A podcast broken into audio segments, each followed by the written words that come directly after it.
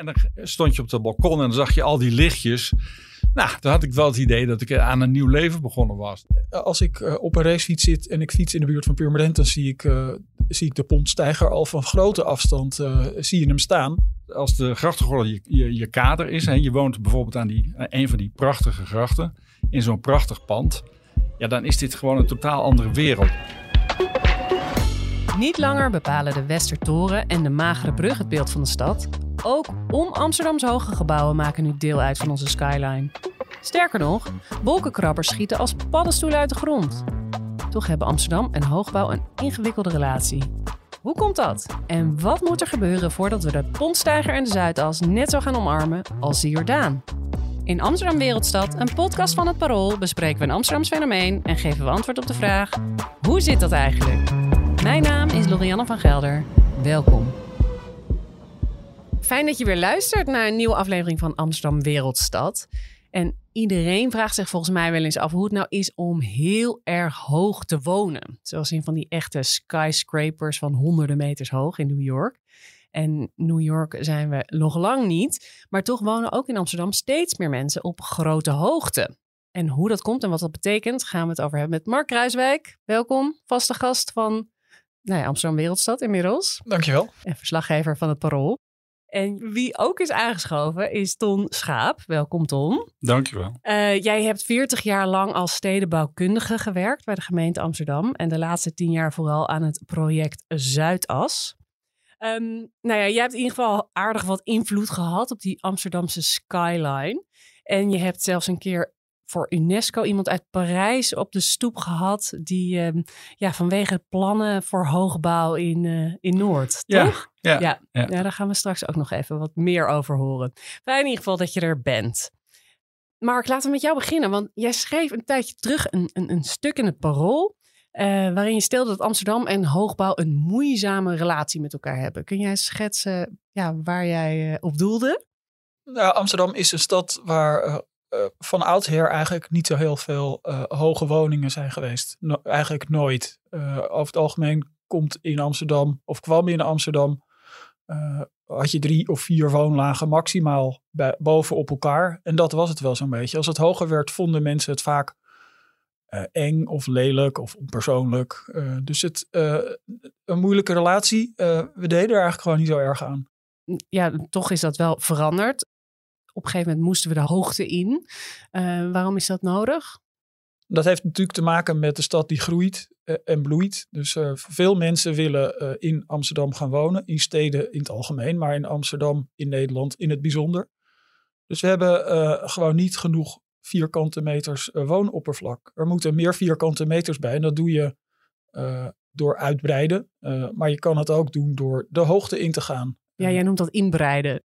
Ik noem dat zelf uh, uh, alleen maar inbreiden als ik uh, verwijs naar mensen die dat woord gebruiken. Ik gebruik het woord natuurlijk inbreiden zelf eigenlijk niet. Het is een beetje een technische term. Ja. Dus het is eigenlijk, je breidt niet uit, dus je wordt niet groter. Je gaat omhoog, je breidt in. Je maakt meer, beter gebruik van de beschikbare schaarse ruimte. Ja, en hoe wordt er over het algemeen over hoogbouw gedacht in de stad? Nou, mensen vinden het in het algemeen onpersoonlijk. Um, Tegelijkertijd zou je ook kunnen denken dat uh, onpersoonlijk ook wel fijn is. Want als je in een stad woont, vind je uh, anonimiteit of een beetje onpersoonlijkheid ook weer niet zo heel erg problematisch. Um, als je zelf bij mensen thuis komt die hoog wonen, is eigenlijk het eerste wat je doet altijd even het uitzicht bewonderen. Ja. Um, en ja, dat, dat vind je ervan. Uh, het is een, een schitterend uitzicht, maar het is ook wel een beetje ver weg van alles als je in hele hoge uh, huizen komt. Ja. Echt in wolkenkrabbers. Ja, precies. Wat de implicaties zijn voor de stad uh, zullen we zeker nog terugkomen. Maar Don, herken jij een beetje die, die angst van de Amsterdammer voor, voor hoogbouw? Ja, dat, dat, denk ik wel. Ja, ik denk dat de identiteit van Amsterdam is toch uh, de grachtengordel, hoe je het ook draait of keert. En die is nou helemaal niet hoog. Nee. En die torens die we zeg maar, hadden tot aan de uitvinding van de lift. Hè. De uitvinding van de lift heeft natuurlijk dit allemaal mogelijk gemaakt. Ergens in de 19e eeuw, meneer Otis. En uh, ja, voor die tijd uh, was trappenlopen. Nou, dan kun je een beetje... Net acht lagen kunnen mensen nog aan. Dat zie je in Parijs.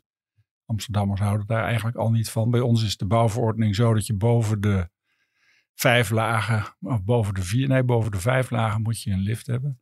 Is een duur ding. Dus zo is het een beetje gegaan. Maar je zegt al, eh, Amsterdammers houden niet zo van traplopen. Nou, niemand houdt van traplopen. Maar in Parijs hebben ze dus kans gezien om die stad tot acht lagen vol te bouwen. Dat leidt ook tot een enorme dichtheid. Het is, eh, Parijs is nog veel dichter dan Amsterdam.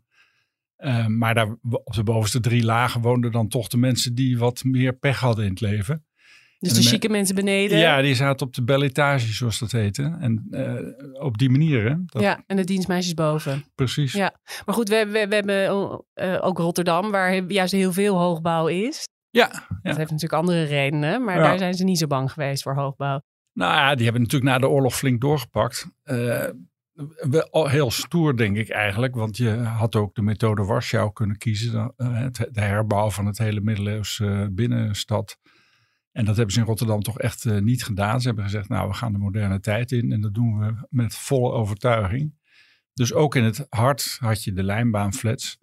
En die waren dan niet heel hoog, maar toch wel een laag of tien. En die, ja, die hebben natuurlijk een lift. En, en dan heb je in één keer het moderne leven. Ja. Um, ja, dat is natuurlijk ook maar betrekkelijk. Maar het is in ieder geval, daarmee is een stap gezet.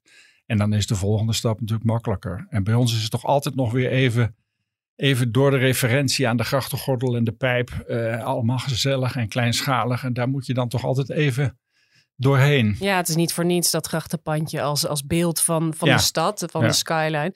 Die skyline is dus eigenlijk eeuwenlang hetzelfde geweest, Mark. Maar, maar wanneer kreeg Amsterdam zijn eerste hoogbouw? Nou, er is in de jaren dertig is, zijn ze uiteindelijk, eh, eh, hebben ze de, de wolkenkrabber afgebouwd. De, die werd ook de wolkenkrabber genoemd, eh, nog steeds trouwens, door, door vrijwel iedereen op het Victorieplein.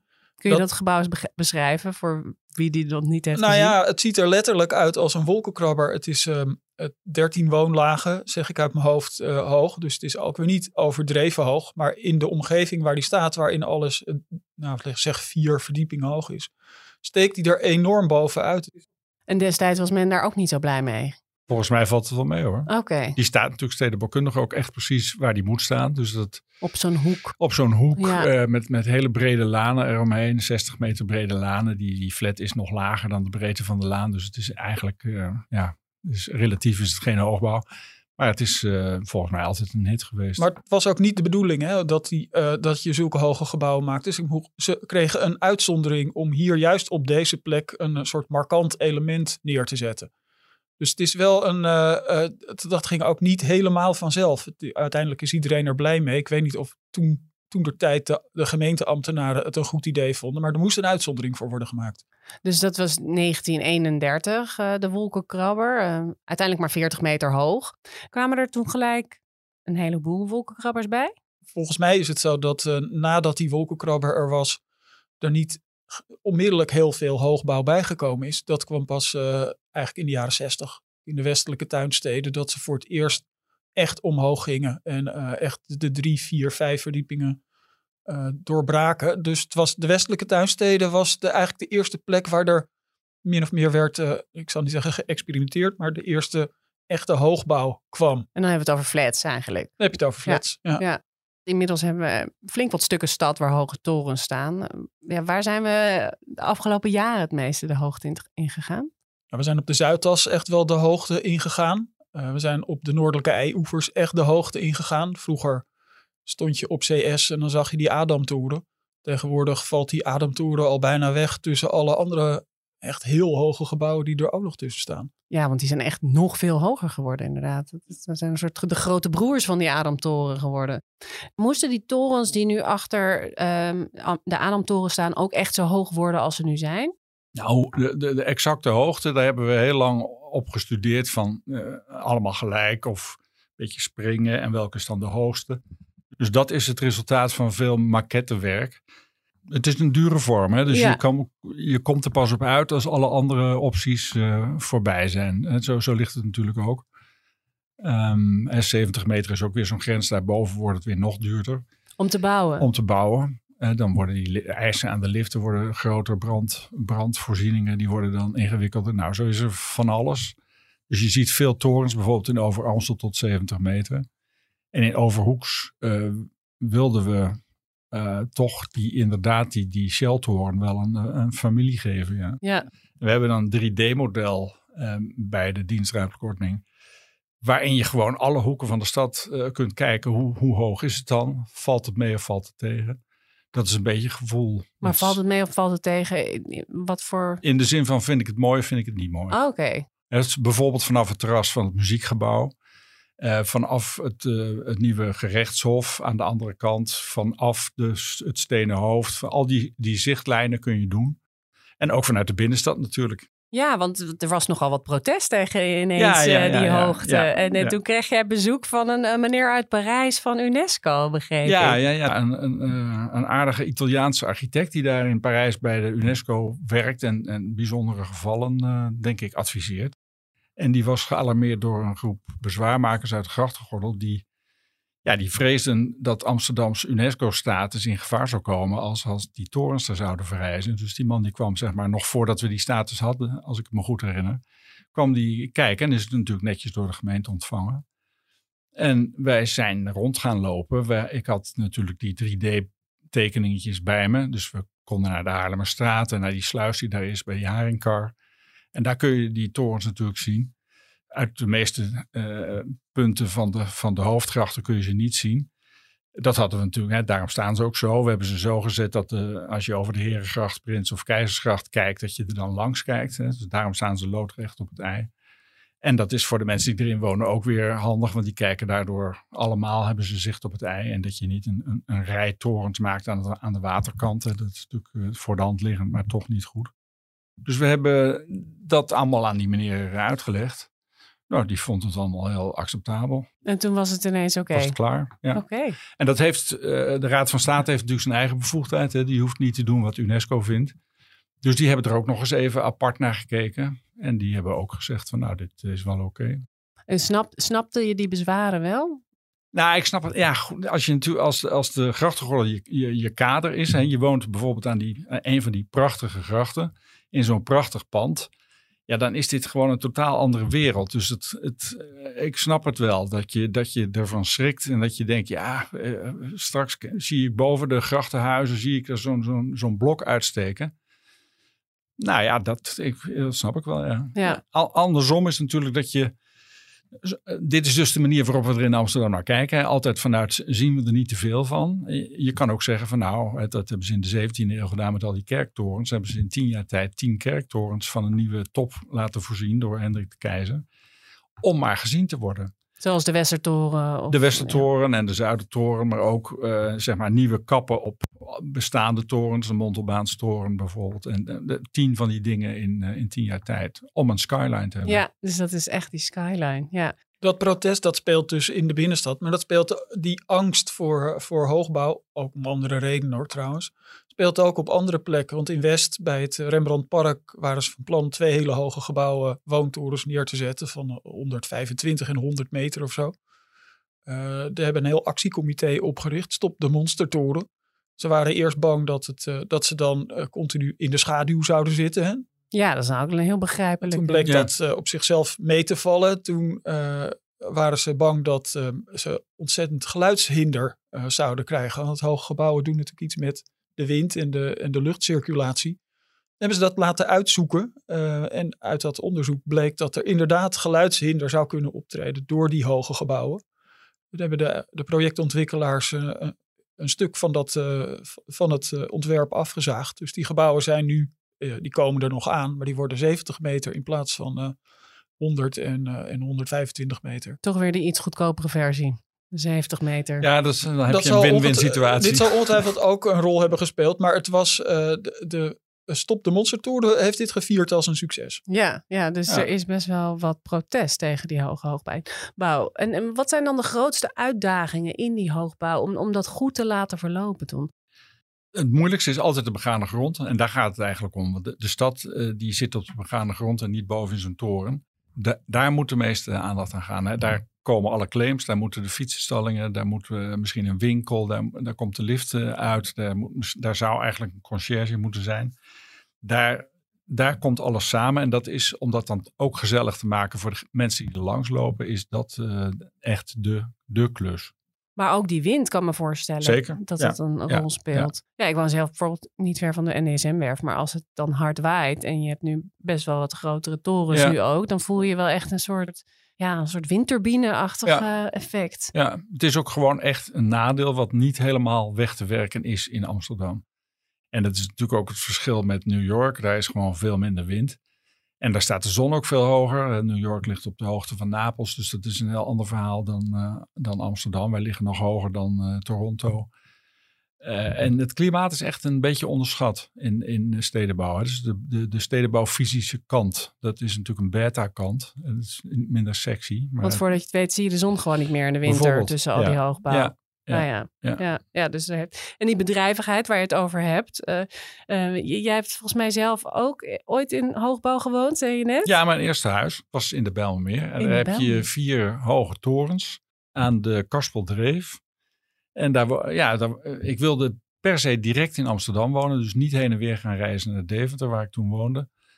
Ehm, en in de Bijlmer was de enige plek waar dat kon. En Grachtgordel was natuurlijk toen ook al eh, vol. En eh, daar heb ik een, kon ik uit vier flats kiezen zelfs. Ik Welke had- verdieping? dertiende. En je had een uitzicht van Utrecht, de Domtoren, als het licht, mooi helder weer was, tot aan de duinen in Zandvoort. Het was echt, dat was, gaf er iets heel grootstedelijks aan. Uh, Tegelijk, maar- tegelijk heb je geen contact als Ja, je precies. met, met de grond. Hè? Dat Ja. heb jij wel eens tegen mij gezegd. Dat Ja. je, eh, er is een, een, een hoogte waarbij je eh, verliest, het contact met de grond verliest. Dat je een gezicht niet meer kunt herkennen van iemand die beneden op straat loopt. Vanaf welke verdieping is dat? Nou, de, die, die vijf verdiepingen die wij hier standaard hebben, dat is een hele mooie hoogte. Dan kun je nog, kun je nog zien wie het is Ja, beneden. en van beneden naar boven eigenlijk ook Idem nog wel. dito. En nu, als je dan op die flat, toen ik daar woonde, woonde ik nog alleen. En daar, als je dan een weekje met griep thuis lag, nou, dan had je het gevoel, eh, ik ben als wat in de hemel. Het is, eh, ja, niet, niet fijn. Je Dat bent is, al opgestegen Ik ben al opgestegen, ja. Het is vreselijk in de hemel. Dus je, ja, vond, dat denk ik ook. Dus Maar je dat vond weet het- ik niet zeker. je vond het niet per se een, een fijne ervaring om zo hoog te wonen. Nou, dat had wel iets. Ik kan me nog herinneren dat we dat dingen gingen witten en behangen natuurlijk. Hè. En eh, met een vriend heb ik dat gedaan. En dan ging je s'avonds de stad in als je dan eh, na- een vrijdag of zo. En dan was je, kwam je s'nachts thuis. En dan stond je op het balkon en dan zag je al die lichtjes. Nou, dan had ik wel het idee dat ik aan een nieuw leven begonnen was. Het, wa- het, was een, eh, het is een stadium, zoiets. En ik denk ook dat je. Ik denk dat er weinig mensen zijn die hun hele leven in zo'n toren eh, wonen of willen wonen. Ik, ik heb het na die. Ik heb er geloof ik bijna tien jaar gewoond. En toen het klaar was, dacht ik, nou, dit is, eh, dit is voorbij. En waar moet je nou nog meer rekening mee houden met hoe hoog je kunt bouwen? Schiphol. Schiphol houdt Amsterdam een beetje bij de les. Eh, niet zozeer die vliegtuigen, die vliegen er wel overheen. Maar de, de radars, die zijn eh, heel gevoelig. En daar zijn echt eh, harde regelingen voor waar Amsterdam onder moet blijven. En dus tot hoe ver mag je dan uiteindelijk bouwen? Het zijn geen horizontale vlakken, maar een beetje hellende vlakken. En die, ja, dat komt dan op Overhoeks, was die 110 meter die die hoogste toren daar is. Dat was ook de limit. Ehm, en voor de Zuidas geldt het ook. En vaak is het nog iets lager, 90 of 80. Hebben wel eens geprobeerd om eh, in de buurt van de nieuwe EMA-gebouw een aantal gebouwen flink hoger te maken, zodat we op een andere plek meer groen konden maken. Nou, die vliegen ging niet op. Dus een Burj Khalifa van meer dan 800 meter. Voorlopig niet, nee. Moet je wel buurten willen met hele hoge gebouwen als je het idealiter, als je de keuze zou hebben? Nou, ik denk wel, tenminste daar heb ik zelf altijd naar gestreefd, dat je ze in klonten bij elkaar moet. Je moet het clusteren. Eh, dus die- zo'n eenzame toren heeft, heeft iets, dat is ook symbolisch een beetje raar. Want die torens uit de 17e eeuw, die hadden natuurlijk echt een publieke functie. Hè? Daar zat ook de klok op. Daar zat ook een carillon in. Dat, dat hielp om de hele stad, en niemand had een horloge, eh, om dat allemaal een beetje te organiseren. En dat was ook betaald uit belastinggeld, al die torens. Dus dat is een, eh, een publiek project. Dat is een heel ander ding dan dat jij opeens eh, de toren van je buurman eh, met zijn schaduw in je achtertuin hebt. Dat, is een, dat is, zijn twee privépartijen te- tegen elkaar. Dat is een ander verhaal. Dus je moet die, die hoogbouwklonten, die moet je naar Amstelstation, Sloterdijk, Zuidas, Overhoeks. Maar je moet oppassen met zo her en der maar eens zo'n toren uit de grond te laten. Want dan bederf je echt veel meer dan dat je goed maakt. En het is ook in de verhouding van burgers onderling, die in principe natuurlijk gelijkwaardig eh, moeten zijn, is dat ook een moeizame kwestie. Want dan ja, gaat er een naar de rechter en die rechter zegt, ja, u heeft gelijk. Dus je, in die zin moet U je... heeft gelijk, we willen uw eh Ja, we willen die niet. toren niet. Ja. Ja. En die, die- als je die, die clusters kun je goed ontwerpen. Eh, dat, in Zuidas lukt dat vrij aardig. Dat je beneden toch niet uit je jas waait. En dat Nou, goede menging, goede straten komen er uiteindelijk ook. Het is ook een, een gewild product. Hè. Het is niet zo dat die dingen leeg staan. Er is, komt nu ook een toren met sociale woningbouw erin, 100%. Maar het is toch nog na werktijd meestal niet heel gezellig. Nee, dat komt omdat er gewoon nog veel te weinig mensen wonen. Dat, dat... Nou, toch verandert dat wel. Hè? Want op de Zuidas, wat kennen wij als een enorm uh, uh, kantorengebied eigenlijk.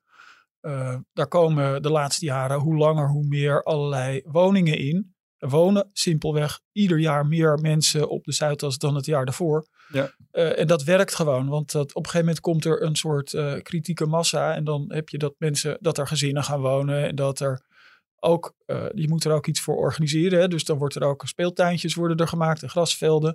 Dus dan komen mensen ook uit hun, niet ivoren toren, maar uit hun toren. En dan, dan wordt het ineens een buurt. Ik vind dat um, ik, ik keek daar zelf wel een beetje van op, want ik ken de Zuidas alleen maar van er langs rijden en, en grote financiële uh, bedrijven. Uh, maar als je er als je er eens gewoon eens goed gaat kijken, je hebt er echt straten die aanvoelen als hele gewone Amsterdamse straten. Alleen als je omhoog kijkt, zie je dat uh, helemaal bovenin uh, op zo'n zo'n penthouse woont uh, Martin Garrix. Maar voor de rest wonen er ook hele gewone mensen die ook gewoon op straat komen. En, onderdeel, en er zijn meer cafés, restaurants. Er zijn cafés, er is een, Sportschool. Een weekmarkt op, op woensdagmiddag, geloof ik. Ja, dus het is uiteindelijk wel vooralsnog geslaagd. Ja, dat gaat de goede kant uit. Ja. En, en nou ja, critici zeggen dus nog steeds wel eens hoogbouw past niet bij Amsterdam. Denk je dat dat wel zo is, Mark? Of, of denk je dat dat Ik denk dat, ja, nou, het is wat Ton zegt. Het is... Uh, uh, het past niet op alle plekken. Natuurlijk moet je niet in de grachtengordel een. Uh, als het al zou mogen. Als het al zou mogen, moet je ook niet doen. Ik denk wel dat het bij Amsterdam past. Ik denk dat je ook een beetje moet uitkijken waar je dat doet. Ik, ik vind um, hè, op de, in, op, in de sluisbuurt komen heel veel hele hoge gebouwen. Daar hebben de grachtenbewoners of een aantal grachtenbewoners tegen geprotesteerd. Uh, vervolgens zijn er wat verdiepingen vanaf gehaald. Ja, ik zou zelf zeggen dat die sluisbuurt wel zo ver van die grachtengordel vandaan zit dat je er ook best daar hoogbouw kan, kunt maken. Ik vind dat je er ook niet zo streng voor moet zijn. Maar je moet inderdaad, je moet wel oppassen waar je doet. Het moet wel passen en het moet ook niet. Die, die tactiek die de gemeente kiest de, met die eilanden of die groepjes hoogbouw, ik, uh, ik geloof daar wel in. En ik, uh, ik zie dat op de Zuidas. En je ziet het ook op de noordelijke eioevers. En je ziet het ook bij het Sloterdijkstation. Dat, uh, dat voelt helemaal niet raar. Als je heel erg uitzoomt, zie je eigenlijk gewoon kleine bosjes of zo ja, in de stad. Graspollen in het gazon die eruit geschoten zijn. Ja, dat is wel een mooi beeld. Is er ook nog een, een risico dat er een, ja, een, een, een soort sociale uh, categorisering van klassen of zo komt in, in hoogbouw versus in laagbouw wonen? Dat het zoals in, nou ja, in Manhattan is op zich de brownstone, de, de gewoon het kleine huisje nog steeds heel erg chic en op stand. Ook ja, al... maar er zijn ook wolkenkrabbers die heel erg chic en op stand zijn. Ik zag vanmorgen nog een plaatje van een ding nou, dat was zo'n dunne toren. Dat moet zo peperduur zijn. Dus ja, dat komt allemaal voor. En je had natuurlijk vroeger, of vroeger, zeg maar toen ik uh, eh, 20 of 30 was, was een flat een beetje, ja, je wist dan bijna zeker dat het sociale woningbouw was. En, dus dat was een beetje. Het was de associatie van de Bijlmer of zo. Ja, maar ook de hele naoorlogse bouw eigenlijk toch wel. Als je de keuze had en meer geld, dan, dan ging je er, daar niet wonen. Dat is voorbij. Je hebt nu ook hè, dus die, die Martin Garrix, die daar dan bovenin zit, die, uh, ja, die schaamt zich nergens voor. En terecht. Of, en, of won Jip boven in de pontstijger. Ja, ja, ook zo'n verhaal. Ja, ja precies. Ja. Ja, en, en gaan we hier uiteindelijk ooit nog een lage wijk bouwen als betondorp? Maar. Ja, daar ben ik bang van niet. Hè. Dus de eh, eh, normale wereldstad die groeit, die annexeert een paar gemeentes en dan kan daar eh, de laagbouw plaatsvinden. Maar dat doen we in Nederland niet. Dus Amsterdam zit vast tussen zijn, in, binnen zijn gemeentegrenzen. En de grote groene scheggen, die gaan we ook zeker niet aanpakken, denk ik. Hè, gok ik. Dus dan betekent het, ja, dan is het maar, kan het maar één kant uit. De hoogte in. Ja, nou ja, tegelijk zie je dat uh, uh, Amsterdam nu samen is gegaan met Weesp. We hebben het niet overgenomen, zo mag je dat niet zeggen. Maar in Weesp komen natuurlijk ook geen flats. In Weesp komen heel erg uh, ja. uitgebreide, enigszins chique Phoenix-wijken. Ja, met een laag percentage sociale woningbouw. Dus Ja, dat- maar ja. ook, ook lage huizen. Ja, Ja, ja, het is allemaal gewoon, eh, Ja. het zijn eh, letterlijk eens, eensgezinswoningen. Ja. Ja. dus het kan wel, maar niet heel erg bij het centrum. Nee, Nee. niet. Nee. En er is heel veel aan aanbouw. Ik, ja, ik denk dat eh, onderdeel van de skyline inmiddels een hijskraan is. Of eh, de skyline wordt het ook wel eens genoemd, omdat er zoveel om het ei wordt gebouwd. Op het logo van onze podcast eh, zie je ook de Pontstijger, onder Ja. andere, en, en de Amsterdam Toren, heel prominent. Als ik jullie tot slot zou vragen wat, wat jij voor je ziet, Ton, als jij aan de skyline van Amsterdam denkt. Wat zijn dan de uitschieters? Nou, ik, hoop dat het hele Zuidasgebied gewoon groter wordt nog. Hè. Dus dat eh, stuk eh, ten oosten van de Beethovenstraat. Dat je eigenlijk de verbinding legt tussen, het, tussen die, die, die klapschaats, die schoen aan de ene kant en het Rijhotel van Koolhaas aan de andere kant. Dat dat eigenlijk een soort koraalrif wordt van, ja, die gebouwen zijn ook weer niet echt hoog, maar ze zijn wel 100 meter zo ongeveer dan wordt het in feite ook weer een horizontale lijn. Want dat blijft natuurlijk, hè, dat zei Van Eesteren al, het is een vlakke stad in een vlak land. En als die dan eh, dingetjes eh, in, in de maquette zetten die er bovenuit staken, dan zet hij er altijd vijf of zo op, op, in, op een rijtje, zodat het toch weer een horizontale lijn werd. Nou, dat denk ik dat dat eigenlijk wel. Ik weet niet of je hier de kant van Rotterdam uit moet, dat je naar 250 meter gaat. Of nou, wat, hè, de, hoe, hoe hoog is de hoogste die ze daar nu net gebouwd hebben? Maar het is onmiskenbaar dat die skyline verandert hè, van de stad. Ja. Eh, die is veranderd en die zal ook de komende jaren, eh, denk ik, nog wel wat meer veranderen. Maar de skyline vertelt ook niet het hele verhaal. De skyline, op de skyline zie je eh, alle uitgesproken hoge gebouwen. Eh, maar in zijn algemeenheid kan je zeggen dat de hele stad wat hoger wordt. Eh, waar we vroeger dus tot vier hoog bouwden, bouwden we nu eh, vaak tot negen en tien hoog. Dat zie je niet op de skyline. Wat je op de skyline ziet zijn vroeger de Westertoren en nu de Rembrandttoren en de, en de Adamtoren. En, maar dus, dus de skyline verandert, maar die vertelt niet het hele verhaal. Ei- Eigenlijk verandert er veel meer dan alleen de skyline. Ja, we gaan allemaal de hoogte in. Ja. Mag ik jullie hartelijk danken voor dit gesprek. Ton Schaap en Mark Kruiswijk. Dit was Amsterdam Wereldstad, een podcast van het Parool. De productie en montage van deze aflevering was in handen van Marijne Bijen. De eindredactie werd gedaan door Josien Wolthuizen. Rinky Bartels maakte de muziek en het fijne artwork met dus die skyline van Amsterdam is van Sjoukje Bierma. Wil je meer lezen over het onderwerp? Ga naar parool.nl of download de Parool-app. Reageren of vragen stellen kan via podcast.parool.nl. Tot volgende week!